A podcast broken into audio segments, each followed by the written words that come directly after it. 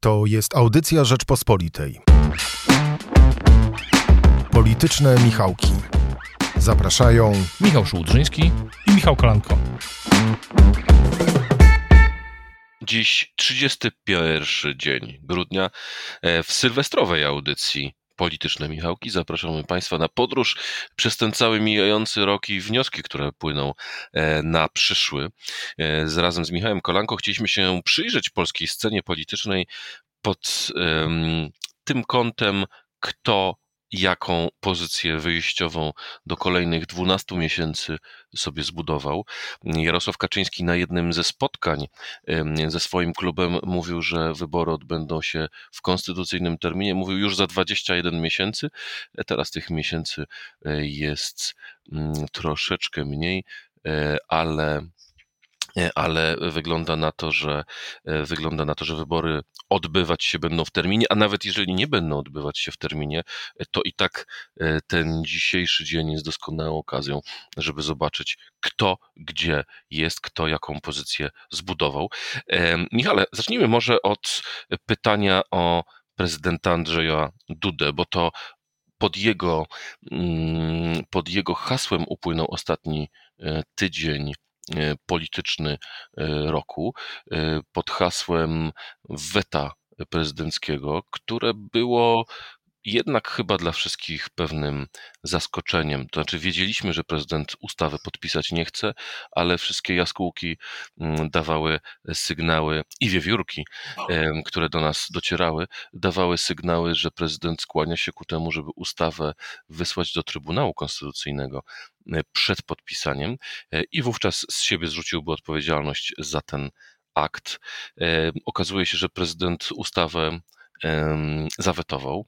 Jedni twierdzą, że to w efekcie namów czy informacji, które dostawał od dwóch ambasadorów w Stanach Zjednoczonych, którzy byli jego bliskimi współpracownikami. Przede wszystkim chodzi o Krzysztofa Szczerskiego, który jest ambasadorem przy ONZ i mm, ma mieć dobre kontakty, szczególnie z ludźmi, y, znającymi się na bezpieczeństwie w Stanach Zjednoczonych, tak to nazwijmy, ambasadorem w Waszyngtonie, bilateralnym przy rządzie amerykańskim jest Marek Magierowski, który również z prezydentem współpracował. E, inna teoria głosi, że to wywiad Jarosława Kaczyńskiego w Interi sprawił, że prezydent postawił kropkę nad i i czytając w nim rano w poniedziałek wyrazy delikatnie to nazwijmy, lekceważenia, postanowił odpłacić się e, Jarosławowi Kaczyńskiemu. Michale, dlaczego tak postąpił prezydent i gdzie jest dziś Andrzej Duda na początku kolejnego sezonu politycznego? Dzień dobry. No, jeśli chodzi o to, gdzie jest dzisiaj prezydent Andrzej Duda, to myślę, że prezydent jest w pozycji wyjściowej do tego, żeby powiem to tak może śmiało w pozycji wyjściowej, żeby rozgrywać w przyszłości dużo więcej niż e, przez ostatnie lata swojej kadencji, myśleć o politycznej przyszłości w Polsce, bo to weto na pewno taką ścieżkę odtworzyło. Otworzyło. E, to było zresztą, e, wróciła też sytuacja, w której ta opozycja chwali prezydenta. To jedna rzecz, taka mała obserwacja. Myślę, że bardzo jest jeszcze jeden wątek dotyczący tych motywacji, dosyć istotny. To znaczy, myślę, że najważniejsze motywacje były strategiczne i zewnętrzne, dotyczące spraw międzynarodowych, geopolityki, konsekwencji, jeśli chodzi o relacje polsko-amerykańskie. Ale myślę, że jednocześnie, trochę nawet mimochodem, no prezydent y, zyskał uznanie tych wszystkich w klubie PiS, którzy uważali i uważają Lex TVN za głupi pomysł, a takich było tam myślę sporo, tak jak w tym roku. Nikt oczywiście w tym roku można było to usłyszeć raczej w kuluarach. Yy, chyba poseł Cymański tylko yy, jakoś tak yy, sceptycznie, nawet chyba publicznie zrany jest poseł Tadeusz Cymański z takich yy, yy, wypowiedzi. To jest wątpliwa i nieroztropna rzecz ta sprawa została przyjęta w Sejmie, tak mówił o Lex TVN e, w grudniu, no ale, ale głosował za. Więc wszyscy ci, którzy w klubie PiS e, mają podobne podejście, znaczy w imię dyscypliny musieli głosować za, ale uważali to za, za mówiąc łagodnie, głupotę, no to zyskali teraz prezydent zyskał w ich oczach. Nie, nie mówię to o pośle Cymańskim, ale myślę, że, że w klubie PiS jest w przyszłym roku może być wiele osób, młodych zwłaszcza, pokoleniowo, no, którzy, którzy widzą, będą widzieć w prezydencie kogoś na przyszłość.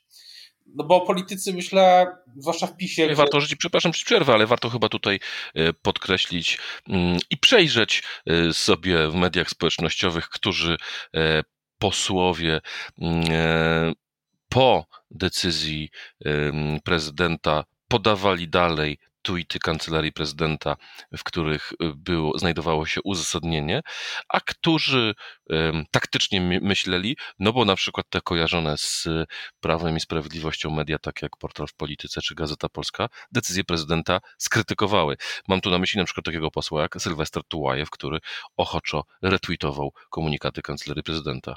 Tak, to był ciekawy rok, myślę, właśnie pod tym względem sytuacji w klubie PiS na przykład poseł Tułajew też chyba i poseł Płażyński publicznie wystąpili i powiedzieli, że z tym, że z wiceministrem Mejzą, byłym wiceministrem już, no to tak już nie może być. To też e, odnotowałem, przepraszam.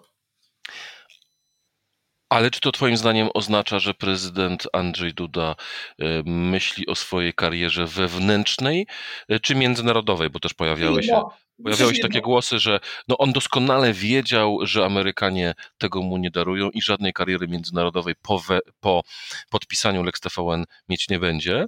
A z kolei problemem z jego sytuacją wewnętrzną jest to, że mm, dla elektoratu twardego PiSu no, ta decyzja nie była bardzo zrozumiała. A jest jeszcze jedna rzecz, a mianowicie część osób odbiera to jako rozgrywkę e, w wypowiedziach, znaczy w sprawie, o której zresztą sam prezydent się wypowiedział. Najpierw w poniedziałek w Polsacie, potem w czwartek, jeżeli dobrze pamiętam, w gazecie, e, dzienniku Gazecie Prawnej Paweł Szrot, jego bliski współpracownik, minister z kancelarii prezydenckiej, mówił wprost, że w takiej postaci, o której prezydent słyszał o ustawach sądowych, na pewno ich nie podpisze. E, więc widać, że to jest rozgrywka bardziej wielopoziomowa. Tak, te ustawy sądowe zresztą to jest jeden z ważniejszych, myślę, wątków na e, przyszły rok. Ona nie, wbrew deklaracji Jarosława Kaczyńskiego z sierpnia i premiera Morawieckiego też z tych okolic, e, Izba Dyscyplinarna nie została zlikwidowana i prezydent Duda może po prostu prezydent Duda może po prostu pójść e, za ciosem, tak to sobie wyobrażam, przynajmniej teoretycznie. Ja na jego miejscu, gdybym był, to bym zgłosił publicznie te, te ustawy sądowe w takiej wersji, co więcej, żeby były do zaakceptowania i przez opozycję, i przez Unię Europejską, i wysłałbym je do Sejmu y, w poniedziałek y, po nowym roku. I postawiłbym wtedy PiS w trudnej sytuacji, ponieważ e, jeśli prezydent oczywiście jakby taką hipotetycznie, nie, nie wiem, czy te ustawy tak wyglądają w zamyśle prezydenta, ale no prezydent, jest tutaj szansa, żeby prezydent się ustawił i to nie premier Morawiecki, nie jako premier, y, jako osoba, która taka kiedyś y, y, powtórzę to, dobra? Jest tutaj szansa, że prezydent ustawiłby się jako osoba, która rozwiązałaby ten poważny kłopot PiSu i byłaby automatycznie takim e, no, mocniejszym jeszcze, jeszcze graczem. To oczywiście mówię teoretycznie, ale tak sobie to wyobrażam, że potencjał coś takiego jest. Bo to przegłosowanie takich ustaw wbrew Solidarnej Polsce, no też byłoby ważnym sygnałem, gdyby te ustawy prezydenckie powstały. Myśmy w Rzeczpospolitej jako pierwsi w tym roku pisali, że taki wariant na stole jest. Ja to też y, podtrzymuję. Michale, kolejne pytanie właśnie z tym związane, y, bo jak jesteśmy w tym momencie, to nie sposób zadać pytania o Zjednoczoną Prawicę.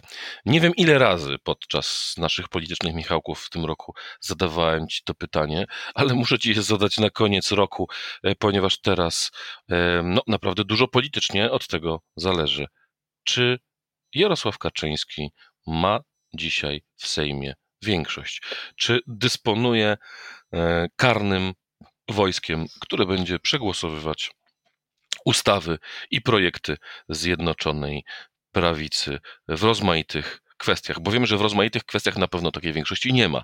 Nie ma właśnie w ustawach sądowych, nie ma jeśli chodzi o kwestie polityki klimatycznej, nie ma jeśli chodzi o sprawy związane na przykład z przeciwdziałaniem pandemii, ale czy w pozostałych kwestiach Jarosław Kaczyński może liczyć na większość? No wkrótce się przekonamy, bo myślę, że pierwszym, chyba z tego co widziałem, to pierwszym takim wnioskiem personalnym będzie głosowane wniosek o odwołanie ministra Bortniczuka. To jeszcze jest echa, echa kwestii wiceministra Mejzy. Myślę, że minister Bortniczuk zostanie obroniony, że ta większość e, w najbardziej podstawowym sensie jest.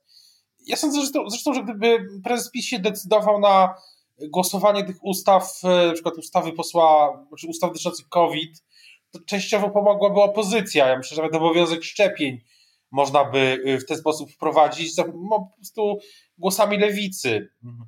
To jest, myślę, jeden z ciekawych pytań, jedno z ciekawych pytań na przyszły rok, czy tak się będzie działo. Ale powiedziałbym tak, że ta większość jest, ale jest ale. Warto na moment e, zajrzeć na stronę sejmową. Dzisiaj, jak rozmawiamy rano, 31 grudnia, Klub Parlamentarny PiS 228 osób.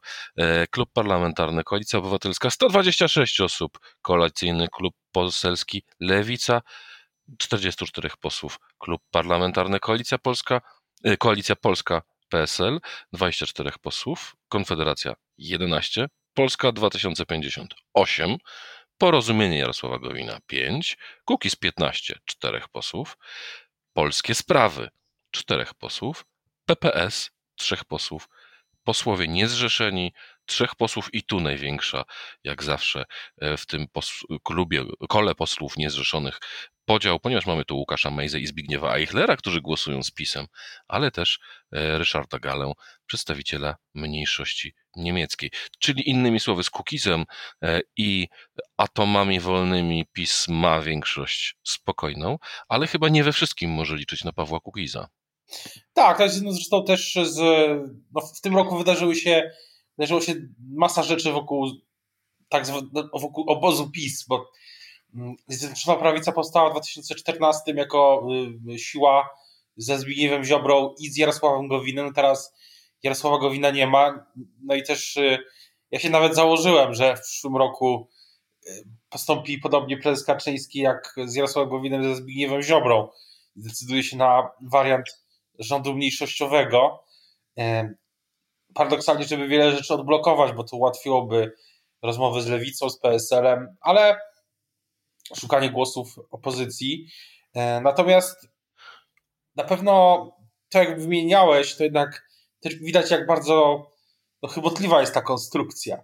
Jak bardzo y, musi na pewno zużywać pewne zasoby Prawa i Sprawiedliwości, czas lidera, żeby co, w każdym, na każdym posiedzeniu Sejmu e, no, dbać o to, żeby żeby to się nie rozpadło. Więc y, będziemy to obserwować na pewno w przyszłym roku też. Ale czy nie jest swoistym paradoksem, że to, co miało być tym największym testem lojalności y, polityków obozu popierającego rząd, bo to chyba tak trzeba nazwać, y, czyli ustawa o TVN-ie, która miała być, no sami zresztą w ten sposób to komentowaliśmy, że był to mm, no był to sukces Jarosława Kaczyńskiego jako lidera większości. Tak, mam większość. Stoją za mną, e, stoi za mną wystarczająca liczba posłów, żeby przepychać ustawy. A kilka dni później ustawa ta, która no, była aż tak ważna, że trzeba było postawić wszystko na jedną kartę, wylądowała za sprawą Andrzeja Dudy w koszu. Czy to policzek dla Jarosława Kaczyńskiego? Na pewno, na pewno dużo kapitału politycznego zostało w ten sposób zmarnowane jednak. Myślę, że to jest też, że główny to jest też problem z tym wetem dla PiSu, że no, okazało się, że no, jednak była jakaś zła kalkulacja, tak? Politycy PiSu twierdzili, że tak jak mówiłeś na wstępie, że prezydent, prezydent y, y, Duda wyśle do Trybunału ustawy, więc dlatego była głosowana w Sejmie. No, później byli zdumieni tym, co powiedział y, prezydent, co zrobił.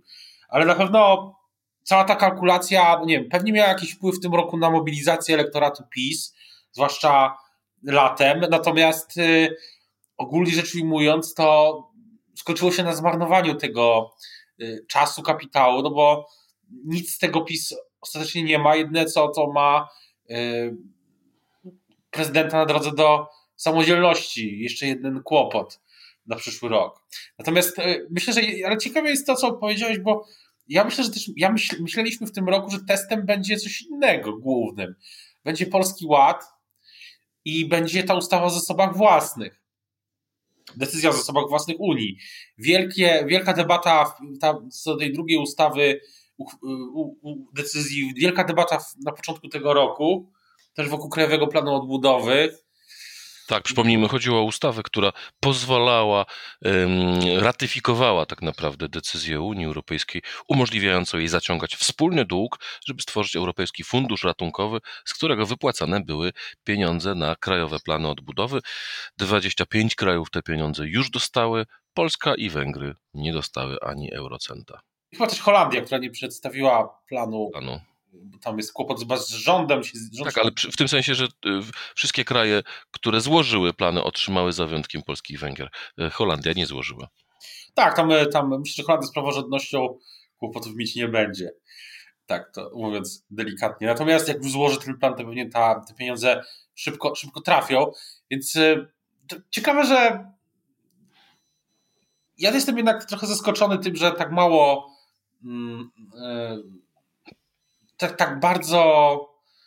Yy, na przykład ta debata o tym KPO jest, jest w lusterku wstecznym w jakimś sensie, tak? Że to mniej opozycja też nie, nie wykorzystuje jakoś tego tak bardziej kreatywny sposób, no ale do opozycji jeszcze przejdziemy.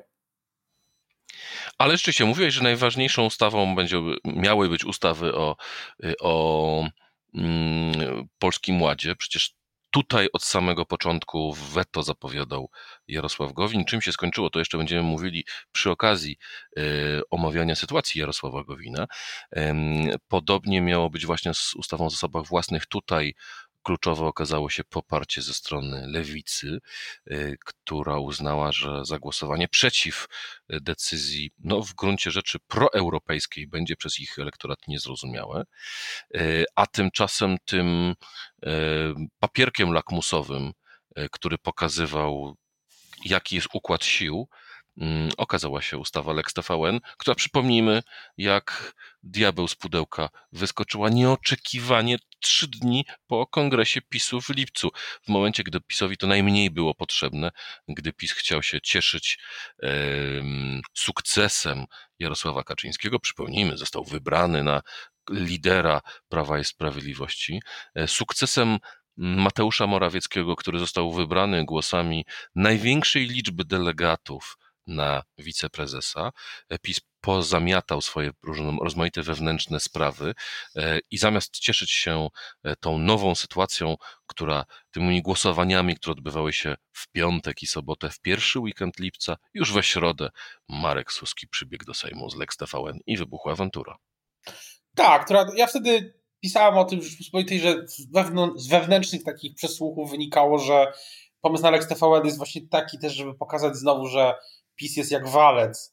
No i tak jak się skończyło, no to Yy, Ale to jest ciekawe, wiesz, bo ja z kolei słyszałem, że była to kompletnie nieustalone, że była to inicjatywa Marka Suskiego. Owszem, uzgodniona, czy że gdzieś padło mm, w PiSie, że trzeba będzie się nad taką ustawą yy, pochylić, ale na pewno nie wtedy, nie na początku lipca. Raczej myślano o tym, żeby wyciągnąć tą ustawę yy, we wrześniu, gdy Krajowa Rada Radiofonii i Telewizji miała przyznawać, przyznawać koncesję. Tymczasem Marek Suski, według tego co ja słyszałem, e, postanowił to zgłosić e, i wtedy już PiS nie mógł się wycofać i wtedy dorobiono ideologię właśnie, że to... Jedno, jedno nie przeczy w zasadzie drugiemu, bo taka ustawa we wrześniu też miałaby taki efekt mobilizacyjny, natomiast no, jak się skończyło to, to widać. Też mi się wydaje, że bardzo wiele rzeczy jednak y, wynika z tego, że PiS ma PiS instytucjonalny, także tak się wyrażę, i to pokazał Lex TVN, no ma po prostu słabą relację z zapleczem prezydenta z nim samym. I to widać, że prezes Kaczyński z tego, co y, się tam się mówi, no to ostatnio miał rozmowę z prezydentem na żywo w marcu 2020 roku jeszcze, kiedy tematem była, było odwołanie Jacka Kurskiego tam e, miało było takie spotkanie w BBN, które trwało 20 minut i miało no tam dosyć e, możliwy przebieg, tak to przynajmniej wynika. No i od tego czasu prezes Kaczyński już się z prezydentem nie widział. Jego zaplecze ewidentnie też e, to wszystko słabo rozpoznaje i, i wzajemnie, więc e, no, na koniec roku jesteś, PiS jest w takiej sytuacji, jakiej jest. Między innymi chyba przez to. Jarosław no, Kaczyński z Andrzejem Dudą się nie widział, nie słyszał, ale to nie znaczy, że to Andrzej Duda nie ma kluczy do sytuacji politycznej wciąż. Michał, chciałem zapytać Cię o kolejną postać.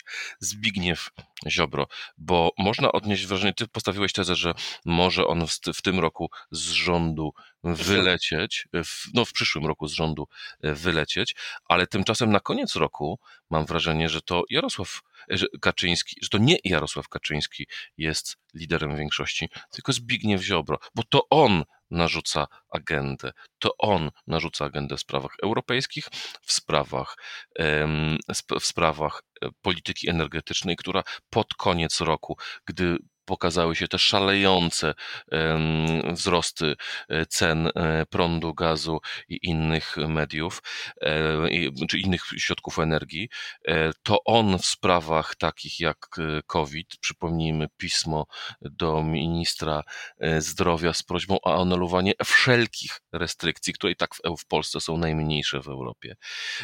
I wymieniać by można mnóstwo kolejnych dziedzin, w których to Zbigniew Ziobro narzuca język, w których to Zbigniew Ziobro e, tak naprawdę wytacza polityczne kierunki Zjednoczonej Prawicy. To jak to jest? Czy to Zbigniew Ziobro jest super premierem, czy prawdziwym liderem Zjednoczonej, e, Zjednoczonej w cudzysłowie prawicy, czy też jest tak słabiutki, że w każdej chwili Jarosław Kaczyński może go wypchnąć i zdecydować się na rząd mniejszościowy?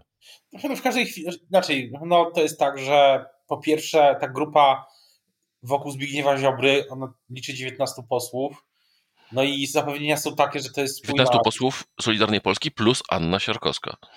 Tak, że to jest silna i spójna grupa i że stoi murem e, za Zbigniewem Ziobrą. No, myślę, że no, wiemy tyle, tyle jest takie, jest e, to stwierdzenie, że wiemy tyle o sobie, ile raz sprawdzono. Nie, nie, oczywiście ta grupa była sprawdzana już kilkukrotnie, ale pewno nie tak jak grupa Gowina. I tak się zastanawiam po prostu, na ile. No to jest jedna rzecz. Druga, na pewno oczywiście w warstwie takiej medialnej, no to rzeczywiście w tym roku było widać, jak bardzo wyrazisty jest Zbigniew Ziobro.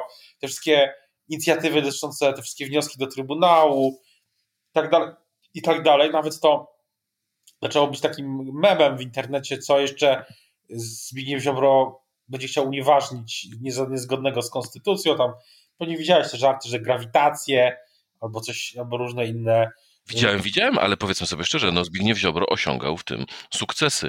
Podważył Europejską Konwencję Praw Człowieka, na podstawie której działa Trybunał Strasburgu. E, podważył e, traktat europejski, jeśli chodzi o kwestię stosowania zabezpieczeń przez Trybunał Sprawiedliwości Unii Europejskiej. E, można się śmiać, że zaskarżał kolejne rzeczy, ale ten pas transmisyjny zaskarżenie Zbigniew Ziobro, Trybunał Konstytucyjny rękami Julii Przyłębskiej uważał za niekonstytucyjne. Ja, Świetnie nie działa. nie twierdzę, że to jest. Nie, nie, oczywiście to jest wszystko bardzo poważne. Myślę, że Zbigniew Ziobro jest bardzo. Jego zaplecze jest bardzo konsekwentne, to w polityce się przydaje i pewnie też myśli długoterminowo. To jest druga rzecz, która się też w polityce bardzo przydaje, myślenie długoterminowe. Myślę, że myślę, że na razie w, tej chwili tam jest takie dorozumiane porozumienie, jest takie porozumienie, no nie nawet dorozumiane, jest po prostu porozumienie dotyczące wspólnego startu.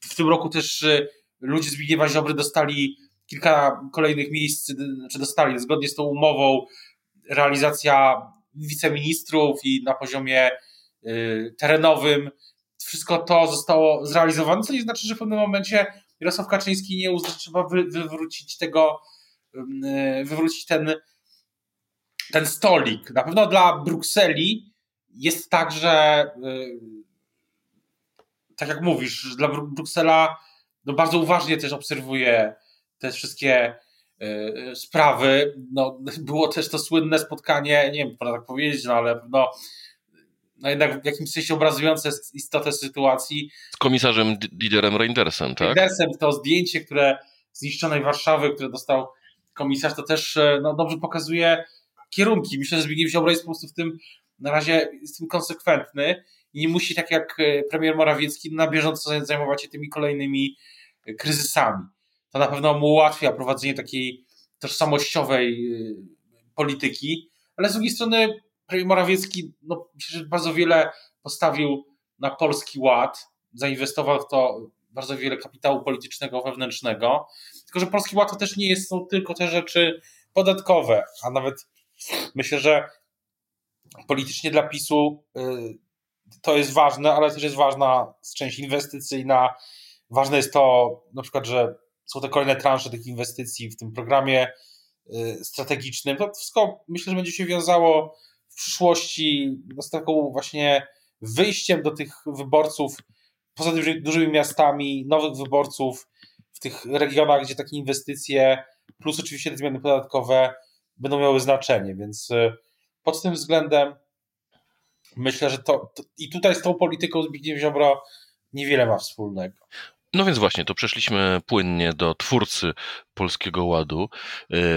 Polski Ład dzisiaj i wczoraj na pierwszych stronach Rzeczpospolitej, e, choć to hasło opozycji, że to polski nieład, e, to jednak to, co dzisiaj opisujemy na pierwszej stronie Rzeczpospolitej, te potworne pułapki, które są w polskim ładzie, które mogą stać się zmorą nie tylko miliona przedsiębiorców, ale też zwykłych pracowników, ponieważ i pracodawców, którzy nie do końca wiedzą, jak mają tak naprawdę naliczać pensję swoim pracownikom. Weźmy tu chociażby ulgę dla klasy średniej. Jeżeli przekroczysz choćby o złotówkę pod koniec roku, będziesz musiał przez, w grudniu zwrócić podatek, który zaoszczędziłeś na uldze dla klasy średniej opłacany przez cały rok czy oszczędzany e, przez cały rok, min, niebezpieczeństw e, i nazwalibyśmy to językiem drogowym, czarnych punktów w Polskim Ładzie jest naprawdę mnóstwo. E, ale o Polskim Ładzie dyskutować nie będziemy na razie, bo dyskutujemy głównie o aktorach. I tym o tego aktora chciałem Cię zapytać. Mateusz Morawiecki. Gdzie jest dzisiaj Mateusz Morawiecki? W ostatnim wywiadzie dla wirtualnej Polski Jarosław Kaczyński mówił, że to najzdolniejszy polityk. Dla Interi. E, Jarosław Kaczyński mówił, że to e, najzdolniejszy polityk, być może zdolniejszy od, od niego samego, czyli od Jarosława Kaczyńskiego. Tymczasem ludzie Mateusza Morawieckiego wycinani są ze spółek. Wczoraj kolejna informacja o jednym z jego PR-owców, który stracił kolejną radę nadzorczą, a sam Mateusz Morawiecki wygląda na kogoś w politycznej defensywie, znaczy nie tyle w politycznej defensywie, tylko jak ktoś funkcjonujący w wewnętrznej bańce, a przecież u licha jest to pierwszy wiceprezes Prawa i Sprawiedliwości. Tak, ale to, y, że został wiceprezesem, to wydaje się, że to było też bardziej, jakby to powiedzieć, y, też była kreacja mediów, nas, że to ma jakieś takie wielkie znaczenie, bo okazuje się, że tak się wydaje, że to jednak ma bardziej znaczenie tylko symboliczne. No, tak samo jak ta liczba głosów, którą dostał.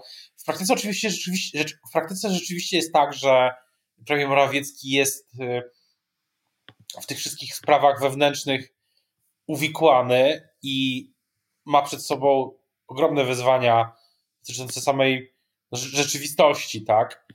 Y, choćby dlatego, że tak jak pisałem w tym tygodniu w Rzeczpospolitej, na samym początku nowego roku y, no będą decyzje dotyczące tego, co z wariantem Omikron, w sensie jakie nowe obostrzenia, jakie nowe obowiązki, co, dla jakich grup obowiązki szczepień.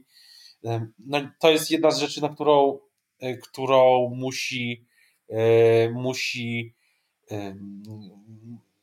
premier Morawiecki co, codziennie, prawie, praktycznie codziennie rozstrzygać.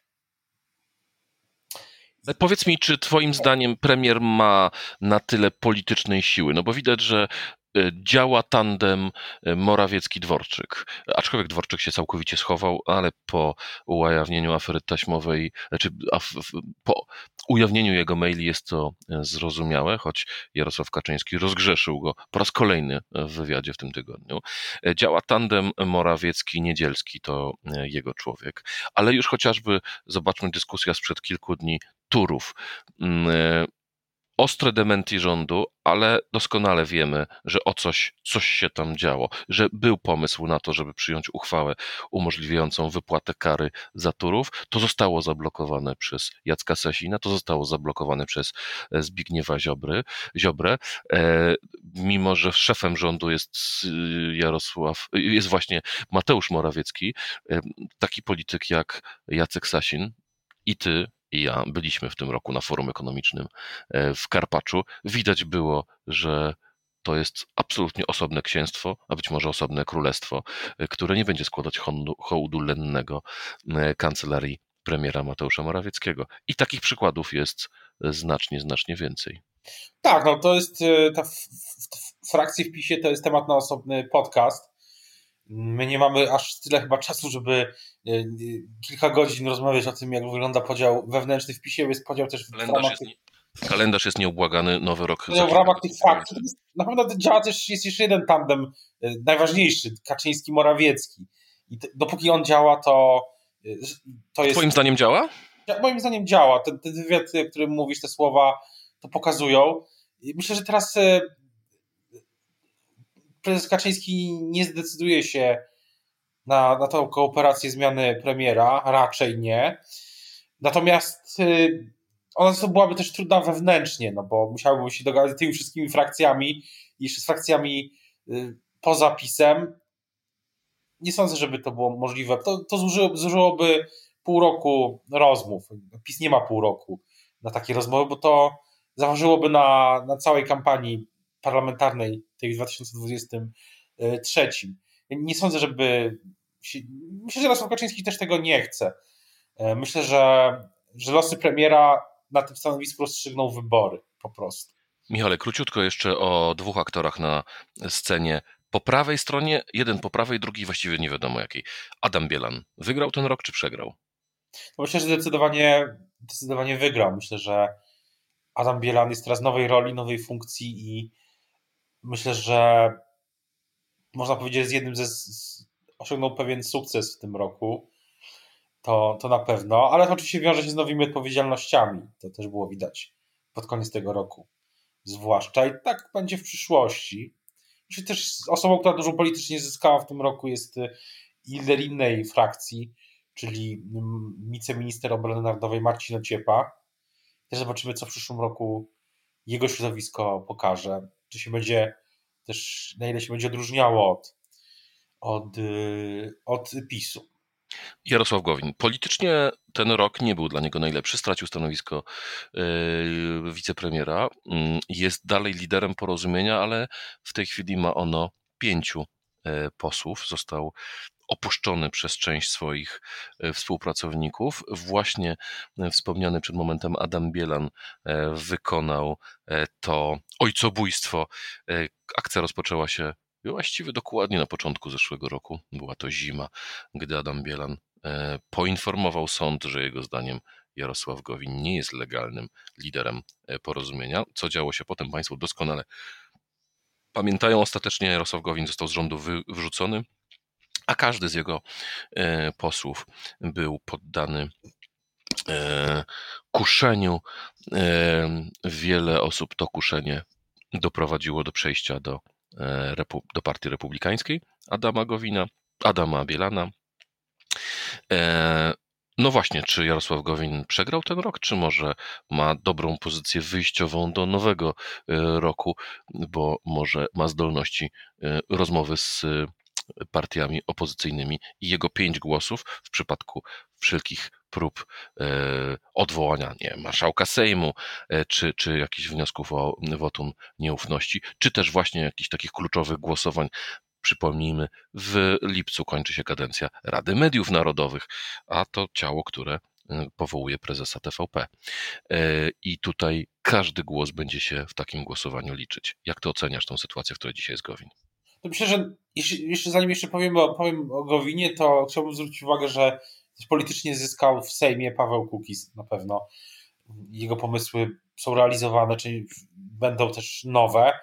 To na to warto zwrócić uwagę. Myślę, że Jarosław Gowin na pewno to był dla niego bardzo ciężki rok polityczny, chyba najcięższy w jego karierze, też e, nie tylko politycznie, ale chyba też zdrowotnie znaczy nie chyba na pewno też zdrowotnie, no ale zapowiada swój, nieco, nieco nieoficjalnie mówi się o jego takim powrocie do tego, do politycznej polityki.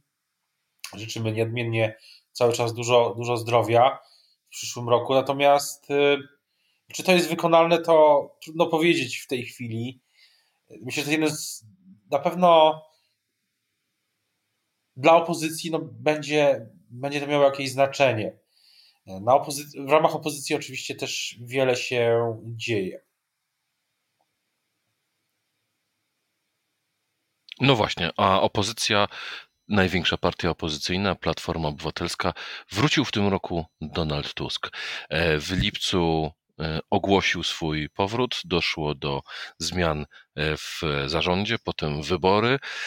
Dzisiaj nikt chyba już, nawet w Platformie, nie kwestionuje przywództwa Donalda Tuska, ale coś jakby się zacięło. Ja patrzyłem na konferencji prasowej sprzed kilku dni na twarz, na minę Donalda Tuska, gdy przeczytano mu pytanie twoje, Michale, co on chce zrobić, żeby Platforma przebiła 30% w sondażach, no ta odpowiedź jakże słuszna, e, że trzeba popracować programem e, i napisać nowy program, e, wydała mi się równie słuszna, co bezradna, ponieważ Platforma o tym konieczności stworzenia programu mówi od 6 lat.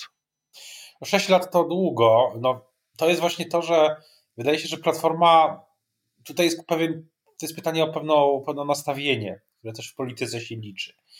Bo jeśli Platforma będzie, moim zdaniem, e, mówić o programie, robić kongresy programowe i przygotowywać program, ale liczyć w praktyce na to, że PiS się po prostu wyłoży, że, zabije, że PiS y, przegra przez sprawy istotne, ale takie, które zajmują bańkę na Twitterze. I, i, i, i przez to platforma, te natura tych kryzysów Prawa i Sprawiedliwości jest dosyć już w miarę znana. No powiedzmy sobie brutalnie, y, wbrew temu, co twierdzi Platforma, mimo że sprawa Pegasusa jest niebywałym skandalem, to nie jest to, co sprawi, że PiS straci poparcie. Jeżeli PiS straci poparcie, to to, co trafnie wyczuł w czwartek Donald Tusk, wrzucając y, filmik z życzeniami do mediów społecznościowych, gdy mówił o tych horrendalnych podwyżkach cen energii. To sprawi, że PiS straci poparcie, a nie sprawa Pegasusa, choć przypomnijmy, 10 razy podkreślmy, tak, jest to skandal w demokratycznym państwie, żeby podsłuchiwać, e, podsłuchiwać znaczy, posłów tak. opozycji. Tylko, że to nie jest to, co ludzi to nie jest to, co dla ludzi jest kluczowe dla ich codziennego życia. Właśnie, na ile, pytaj, na ile to, y, na ile jednak będzie tak, że właśnie ta, to nastawienie będzie klucz, no, niezmienne, no bo natura tych kryzysów jest taka, że zmuszają platformę do reakcji i tak, to wszystko jest cały czas też reaktywne, tak? No, opozycja, Platforma zwłaszcza reaguje na to, na tamto. Y, pytanie, kiedy PiS zacznie reagować na to, co robi opozycja. Teraz jest akcja Szymona Hołowni nowa dotycząca drożyzny y, i to jest myślę ciekawe, bo Szymon Hołownia chce dotrzeć do wyborców PiSu w małych miejscowościach, w mniejszych miastach chyba. O ile się nie mylę, to jest PiS jest za drogi. Taka jest ta Polska 2050 chce, jak tu czytam, odwiedzić bastiony y, Prawa i Sprawiedliwości. To jest ciekawe. To, że Szymon Hołownia Myślę, że, bez, bez, że jednak ja bym zaryzykował stwierdzenie, że jest jednym z wygranych politycznie tego roku, bo ustał ten atak. No nie był atak może, przepraszam, ale no ustał to, że powrót Donalda Tuska. No, tak? w lipcu, pod koniec lipca, gdy ukazały się pierwsze sondaże, wydawało się, że no, jest po Hołowni. Natomiast po pewnym czasie okazało się, że sytuacja Donalda Tuska nie jest wcale tak różowa, a y, sytuacja Szymona Hołowni nie była aż tak czarna, jak się okazało.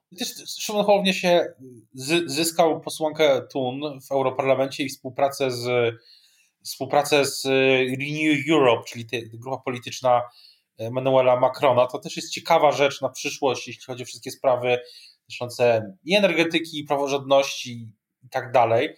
Warto to obserwować, co się tam dzieje. Zyskał też posła Zaleskiego kiedyś w Platformie, wieloletniego polityka Platformy, już po powrocie Donalda Tuska. Więc to myślę, że, że jest jednym z, z, Myślę, że odniósł w tym, pod tym względem to jest sukces. Na pewno też w tym roku, jeśli chodzi o opozycję, no to jest wejście, wchodzenie do gry e, Michała Kołodziejczaka z Agrounii. On bardzo wcześnie, chyba najwcześniej ze wszystkich, pewne tematy wychwycił, to dotyczące cen, i dotyczące energetyki. No i to pewno to jest też coś, na co warto zwrócić uwagę w przyszłości.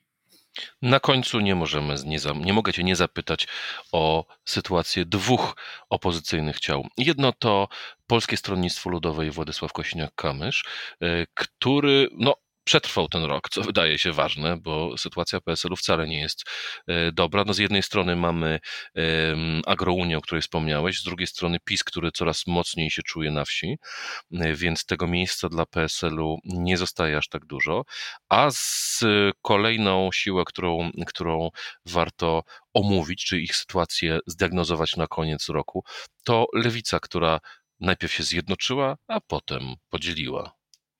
Tak, lewica, lewica y, odeszło kilku posłów y, od niej po tym zjednoczeniu już. No myślę, że tutaj jest, to jest spore wyzwanie na przyszłość. Nie, nie samo odejście, no ale właśnie tak jak w przypadku PSL-u takie no, polityczne pozycjonowanie się, zwłaszcza, że na horyzoncie jest kolejna partia opozycyjna liberalna. Ja też lewicy może tych liberalnych wyborców podbierać. To jest taki projekt, o którym się mówi w Warszawie od, od dawna różne nazwiska padają, nie chcę ich akurat dzisiaj wymieniać. Natomiast e, no to ma być właśnie nowy projekt e, liberalny, światopoglądowo, taki populist, no właśnie, właśnie, właśnie w tym, w tym nurcie. Mm, mm. No i zobaczymy, co z tego, co z tego wyniknie. A Władysław Kosiniak-Kamysz, czy powrót, wielki powrót, nowe wraca, e, czyli szef Rady Naczelnej się zmienił, został nim e, Waldemar Pawlak. Zdaniem niektórych to sygnał otwarcia się na sojusz z PiSem, dla innych to sygnał zamknięcia wszelkich prób porozumienia e, z PiSem. Jak ty oceniasz sytuację i Kosiniaka-Kamysza i Pawlaka na, pod koniec tego mijającego roku? Myślę, że Kosiniak-Kamysz, tak jak powiedziałeś, na pewno to, że przetrwał i został ponownie prezydentem PSL, to jest, y, te wybory w ogóle się odbyły, no to jest sukces. Y, tak y, mi się wydaje, bo te wybory, w sensie, że te wybory wewnętrzne w PSL były wielokrotnie przesuwane ze względu na koronawirusa i to dla żadnej partii nie jest dobra, zwłaszcza takiej, której jak w PSL-u te wybory wewnętrzne są istotne tak jakby kulturowo, strukturalnie, politycznie, że, że się odbywają, że na każdym poziomie jest demokracja. PSL rzeczywiście jest partią bardzo demokratyczną i tam, ale z drugiej strony też Władysław Kośniak-Kamysz to pokazały wyniki tych głosowań, no, ma bardzo silne poparcie i to, że Madama Pawlak jest szefem tej Rady Naczelnej, to, to nie znaczy, że od razu może prezesa odwołać, chociaż teoretycznie Rada Naczelna takie kompetencje ma. To się chyba nigdy w historii PSL-u nie udało, y, albo przynajmniej bardzo rzadko, więc to wszystko jest też tylko teoria. Myślę, że ci działacze, którzy poparli Kośniaka-Kamysza, też nie chcą żadnej koalicji z PiSem, bo wiedzą, czym to się skończy, a przynajmniej większą, większej współpracy. To oczywiście też jest pytanie, to nie znaczy, że w Sejmie takiej współpracy być nie może. No przypomnijmy, że jedyny w zasadzie sukces opozycji w tym roku w Sejmie to jest wybór profesora Wiązka na RPO, pomysł, który zrodził się w PSL-u, którego właśnie wykonawcami później byli Kosiniak-Kamysz i Piotr, wicemarszałek Sejmu Piotr Zgorzewski w tym jego małym, w tym jego gabinecie w Sejmie, gdzie myślę, że bardzo wiele jeszcze ciekawych rozmów politycznych się odbędzie. No i drugi sukces opozycji no to są wybory w Rzeszowie. No ale tak jak zawsze sukces ma wielu ojców, no i samorządowcy uznają, że to jest ich sukces, opozycja, że ich. E, Konrad Fiołek pewnie uważa, prezydent Rzeszowa, e, że to jego sukces też. O samorządowcach e, warto by zrobić osobną audycję. E, dziś już kończymy. Bardzo Państwu dziękujemy za uwagę. Życzymy wszystkiego dobrego w przyszłym roku, aby w politycznych Michałkach były podsumowania samych dobrych e, wiadomości, a nie kolejnych smutnych rekordów związanych z liczbą zgonów na koronawirusa. Liczymy, życzymy Państwu, żeby skończyła się pandemia, skończyły się te szalone wzrosty cen, żeby rosły wyłącznie państwa oszczędności. E, a już dziś życzymy dobrej zabawy sylwestrowej. Bezpiecznie. I trzymajcie się Państwo zdrowo i ciepło. Do, Do usłyszenia za tydzień. Dziękujemy Michałowi Patyrze i Magdalenie Burkiewicz, którzy realizowali i wydawali naszą audycję. Wszystkiego dobrego. Słuchaj więcej na stronie podcasty.rp.pl. Szukaj Rzeczpospolita Audycje w serwisach streamingowych.